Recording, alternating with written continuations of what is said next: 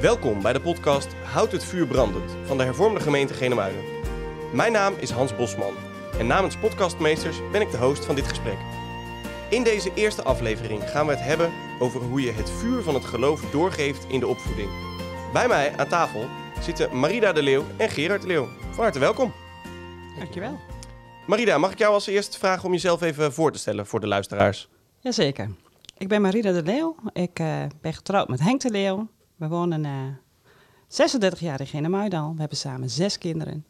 En inmiddels ook acht kleinkinderen. Nou, en een van de kinderen heb ik meegenomen. En uh, die gaat samen met mij uh, dit gesprek aan. Yes, Gerard. Van harte welkom ook. Ja, dankjewel. Zou jij even voor willen stellen voor de luisteraars? Ja, ik ben uh, Gerard de Leeuw, 29 jaar oud. Uh, vader van drie kinderen. En zoon van Marida. Zoon van Marida, ja. Dat is eigenlijk een beetje hoe je hier natuurlijk beland bent. Want we gaan het hebben over geloofsopvoeding. En ik wil eigenlijk met jou beginnen, Marida. Want wat houdt voor jou geloofsopvoeding in? Ja, dat is natuurlijk een hele brede vraag. Zeker. Uh, gelo geloofsopvoeding is um, denk ik vooral van um, hoe ervaar je God in je leven? Uh, wat heb je doorgekregen van je ouders? Um, hoe zie je God? Wat is het beeld wat jij van God hebt gekregen? En wat ik ook wel heel belangrijk vind in de geloofsopvoeding, en dat leer je ook gaandeweg, denk ik, uh, dat je de eer die God toekomt, ook juist heel mooi in je geloofsopvoeding weer uit kunt dragen uh, aan je kinderen en aan je kleinkinderen. Zeker. Herken je hierin, Gerard? Ja, zeker wel. Ja, voor mij uh, is geloofsopvoeding ook echt ja, al de vragen die ik als kind altijd had. hoe is de wereld ontstaan? hoe moeten we met elkaar omgaan? Waarom gaan we altijd zondags naar de kerk? Nou ja, waarom zit papa altijd zo vaak in die bankjes voorin? Ja, want jouw vader zat in de kerkraad, hè? Ja, ook vrij lang. Uh, het grootste deel van mijn jeugd, denk ik wel. Twintig jaar in totaal, als ik even snel reken. En hoe heb je dat uh, ervaren? Je zegt dus hij zat altijd maar voorin. Ja, toch eigenlijk ook weer positief. Want ik vond het wel heel mooi. Dat was mijn vader die daar voorin zat. Ja. Dus ik was er ook wel stiekem weer een beetje trots op, eigenlijk. Heb je hem ook gemist uh, daarin? Of zeg je van, nou, dat kan ik niet echt uh, zeggen. Ik vond het juist heel mooi dat hij het deed. Nee, eigenlijk heb ik hem daar niet gemist in die zin. Maar dat was eigenlijk ook omdat hij altijd wel tijd voor ons nam. Als, uh, nou, als we gegeten hadden, dan gingen we even naar buiten de konijnen eten geven. Of de kippen voeren. En dan nam hij altijd uitgebreide tijd voor ons en het naar bed brengen. Dus ja, daarna ging hij wel bezig. Maar ja, daar had ik dan geen last van, want ik lag al in bed. Hij schijnt ook goed in timmeren te zijn, toch, met jullie? Ja, dat hebben we ook heel veel gedaan. En ik heb ook eindeloos lange zwaarden zitten zagen en timmeren. En dan had hij een heleboel sprokkelhout achter thuis liggen... waar we mee mochten hutten bouwen en dat soort dingen. En dat vond hij ook prachtig. Wel ik... mooi, hè? Om van jou terug te krijgen dat je zegt van... nou, um, tuurlijk was hij daar druk mee het werk in de kerk... Maar het is voor mij niet als een gemis, maar eigenlijk meer als een meerwaarde. Dat vind ik zelf heel mooi. Um, omdat hij naast het werk wat hij in de kerk mocht doen, ook zijn kinderen eigenlijk wel super belangrijk vond. En daar toch ook s'avonds wel de aandacht en de tijd voor had. Ja. Ik denk dat dat ook heel erg, ja, ook een stukje van je geloofsopvoeding is. Dat je dat laat zien aan je kinderen, je hoe dat, belangrijk dat is. Ja, dat je dat laat zien. Ze zeggen wel eens, eigenlijk zijn je daden je woorden. Dus kinderen laten, ja, wat jij laat zien aan je kinderen zijn eigenlijk de woorden die binnenkomen. Ja, want ik kan me voorstellen dat met uh, een man die in de kerkraad zit en zoveel kinderen op zondag uh, in de bank, dat dat ook nog wel eens hectisch geweest zal zijn, of niet? Dat klopt. En daarom vind ik het ook heel verrassend om nu terug te krijgen van als kinderen ervaar je dat toch anders, denk ik, als, de, als um, echtgenoot of partner als je naast je man staat. Um, want tuurlijk moet je ook soms wel eens dingen alleen opvangen. Nou, op zich is dat helemaal niet erg. Uh, ik denk dan, je weet ook waar je je man voor afstaat. Het Ja. is natuurlijk uh, een dienst aan God. En uh, we hebben ook allemaal daar een stukje verantwoordelijkheid in. En ja, dat, dat is ook in deze tijd denk ik best belangrijk. Om ook te laten zien dat je juist keuzes durft te maken. Uh, stressvolle wereld, werk vraagt heel veel van iedereen. Maar ook, ook juist om die keuze heel bewust te maken van... Um, God vraagt ook mijn tijd. Ja, En vraagt eigenlijk mijn eerste tijd. Je kent vast de podcast Eerst Dit. zeker. Ja, dat dacht ik al wel. Nou, ik vind het ook heel mooi om de ochtend daarmee te beginnen. Om te zeggen van, um, en um, uh, ik begin de dag met God, want dan kom je die dag ook door. En ik moet heel eerlijk zeggen, hand in eigen boezem, het lukt mij gewoon niet altijd. Uh, de ene keer is er toch iets uh, wat er net gebeurt 's ochtends. Maar het is gewoon wel heel mooi en ook heel bemoedigend, vind ik, door de dag heen. Nou, dat je zo'n podcast hebt en dat je dat meeneemt de dag in. Ja. Hey Gerard, ik wil eigenlijk even een stukje met jou terug naar je kindertijd. Is er iets specifieks wat jij je kunt herinneren uit je kindertijd als, het, als we het hebben over geloofsopvoeding? Bijvoorbeeld over welke rol dat speelde aan tafel of zoiets? Ja, dat speelde zeker wel een rol. Want eh, als we aan tafel gingen, dan moesten we eerst allemaal netjes beginnen en bidden voor ons eten voor we mochten beginnen met eten. Het werd niet gewaardeerd als je al uh, aan je maaltijd begon voor het bidden.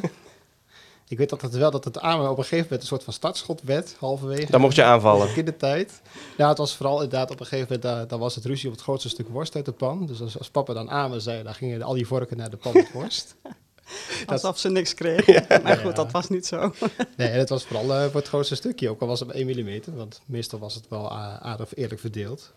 Ja, dat zijn die typische dingetjes. wat ik ook altijd prachtig vond, is uh, die kinderbijbel die we dan aan het einde van de maaltijd lazen.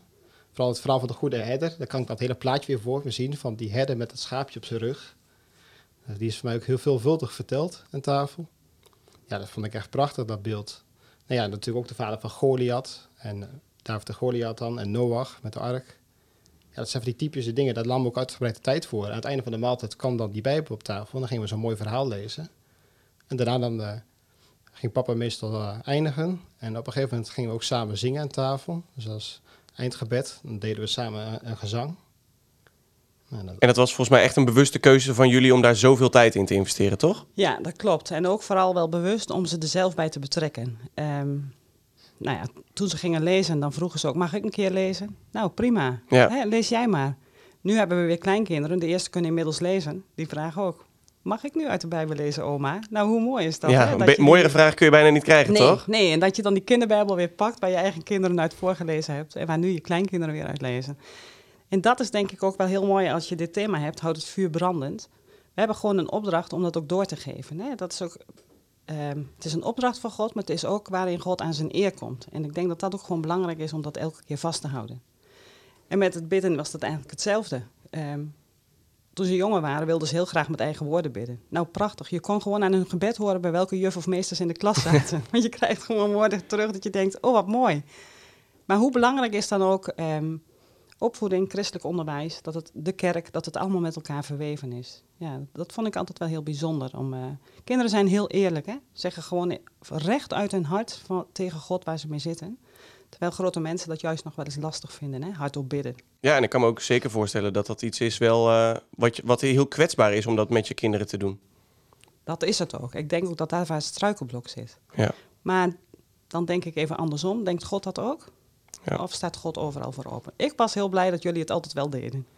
Hoe vind jij dat nu als uh, vader ook hier aan tafel, Gerard? Ja, ik, ik ben er heel blij mee dat we dat altijd mochten en deden. Want het is voor mij een soort van uh, natuurlijk proces om gewoon vrij hardop te bidden wat op mijn hart ligt. En ik vind het ook gewoon vet dat ik dat thuis in met mijn eigen zin nu aan tafel kan doen. En het mooie is dat er goed kinderen luisteren. Want de oudste van mij, Eva, is nu vier. En die gaat dan, eh, als ik dan ga bidden van, uh, wilt u bij Eva zijn als ze vandaag uh, ook naar de BSO gaat?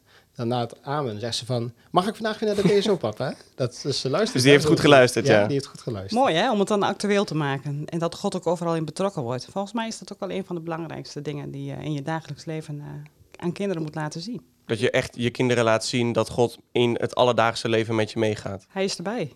Overal dat is ook juist het praktische, denk ik, wat ik geleerd heb of meegekregen heb, is ook om gewoon voor de dag van vandaag te bidden. Niet alleen voor de grotere dingen, voor de armen of de mensen die uh, ziek zijn, maar ook gewoon de hele kleine dingen. Van wilt u met ons meegaan als ik vandaag naar het werk ga? Wilt u mij sparen op de weg?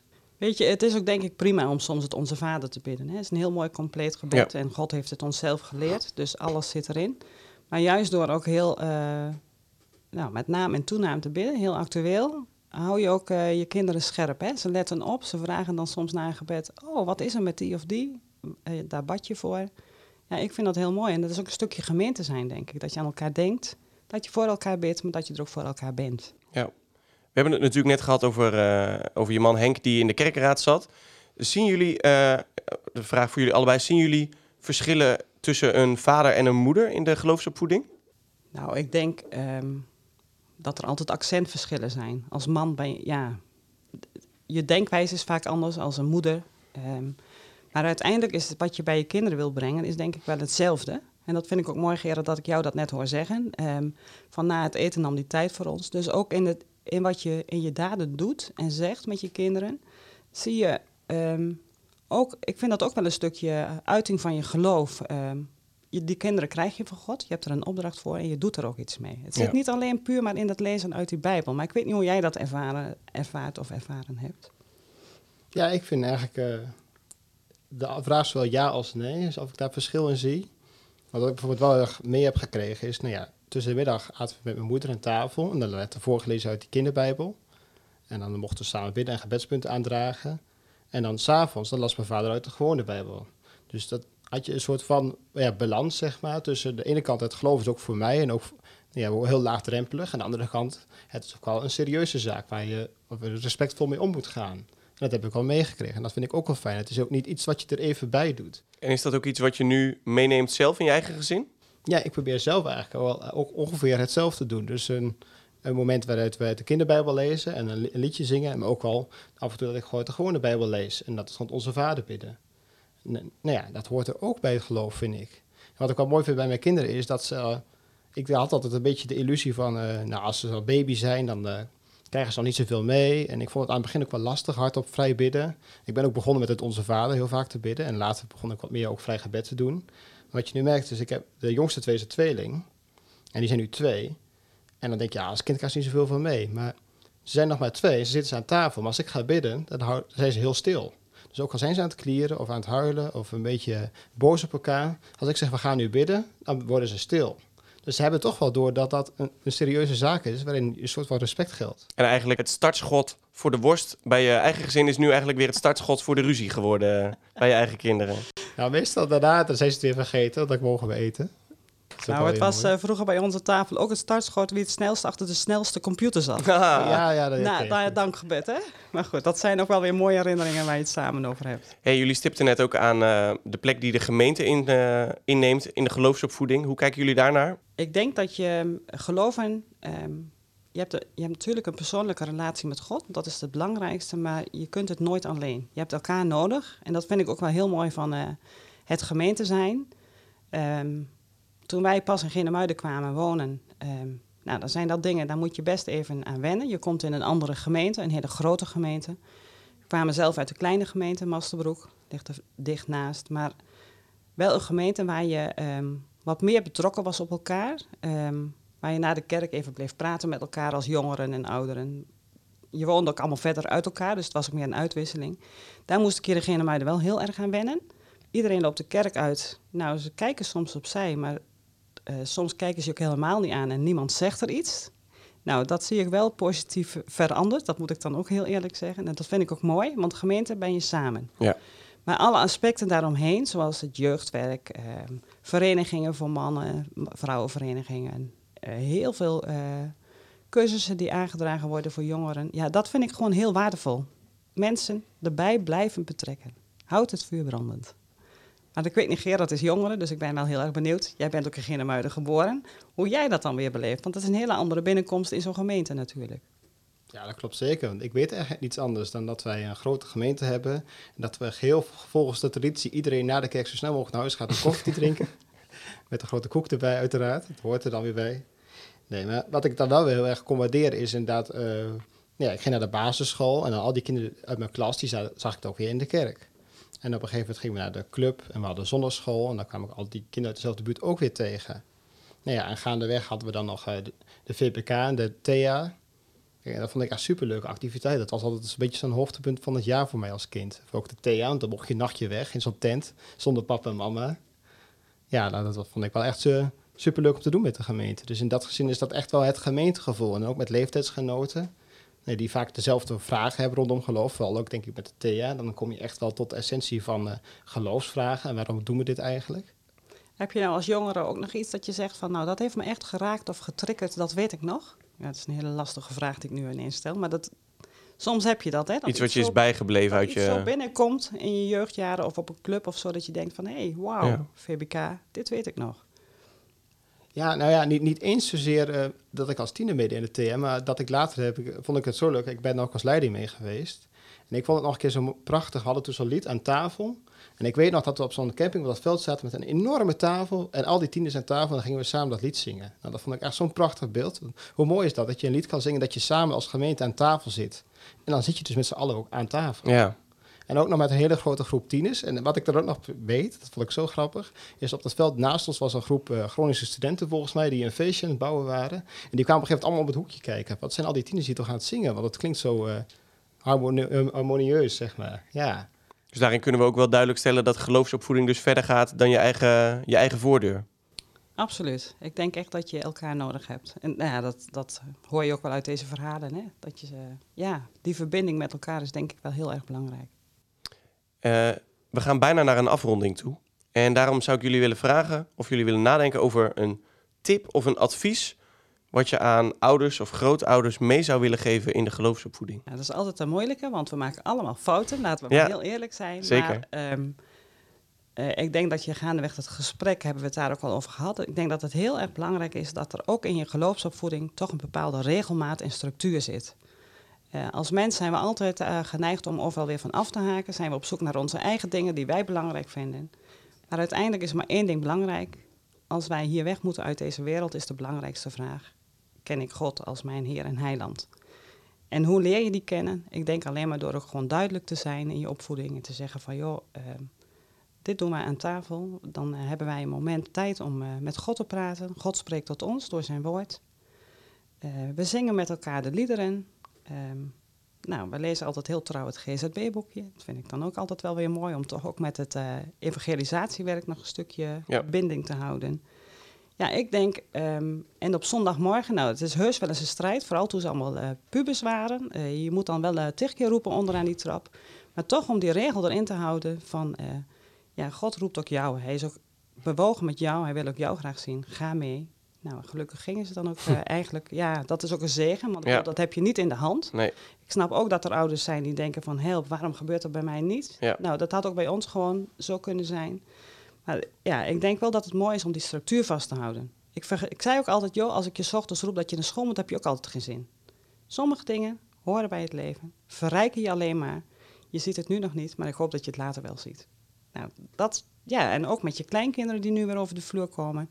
Als oma heb je soms toch um, ja, een moment met ze dat je ze iets meer kunt geven van God. En dat vind ik heel mooi dan denk ik van soms laat het de geslacht over, maar heb je daar toch zelf nog wel weer later je invloed op. Ja. Pak dat ook, ja. Wat zou jij daar nog aan willen toevoegen, Gerard?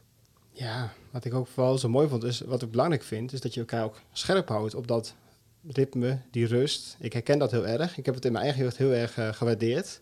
En nu merk ik zelf als vader hoe moeilijk het eigenlijk is om dat ritme vast te blijven houden. En zelf heb je ook niet altijd zin. Maar ja, dat weet niet te veel. En de kinderen laten merken, want dan zeggen ze, ja, je hebt zelf ook geen zin. Dus ja, dan moet je zelf denken van, nee, het is belangrijk. Ik heb deze keuze gemaakt. Ik wil kiezen voor God. Ik ga heen en ik neem mijn kinderen ook mee. En ik weet wel dat uh, inderdaad dat mijn mama riep dan eens een paar keer. En als ze dan niet snel van bed kwam, dan kwam papa naar boven van, uh, s'avonds een vent, s ochtends ook een vent. Goed zo. Die uitspraak die kan ik me heel goed herinneren. Ja, en ik heb het achteraf toch wel heel erg kunnen waarderen. Ja, dat, dat geeft ook echt wel structuur en rust in je leven. En ja, ik denk dat dat ritme heel belangrijk is. Nou ja. Een bemoediging om het leven door te gaan en het vuur brandend te houden. Ja, absoluut. Ja. Lijkt me een mooie afsluiter. Ja. Ik wil jullie bedanken voor dit gesprek, voor jullie openheid. Uh, wat jullie met ons en met, uh, met de luisteraars wilden delen. Uh, dus hartelijk dank voor jullie, voor jullie komst. Graag gedaan. Dankjewel. En namens de hervormde gemeente Genemuiden wil ik u en jou bedanken voor het luisteren. Wilt u reageren op deze aflevering? Dan kunt u contact opnemen met jongerenwerker Bart van het Ende. Over twee weken kun je weer luisteren naar een nieuwe aflevering van de podcast Houd het vuur brandend.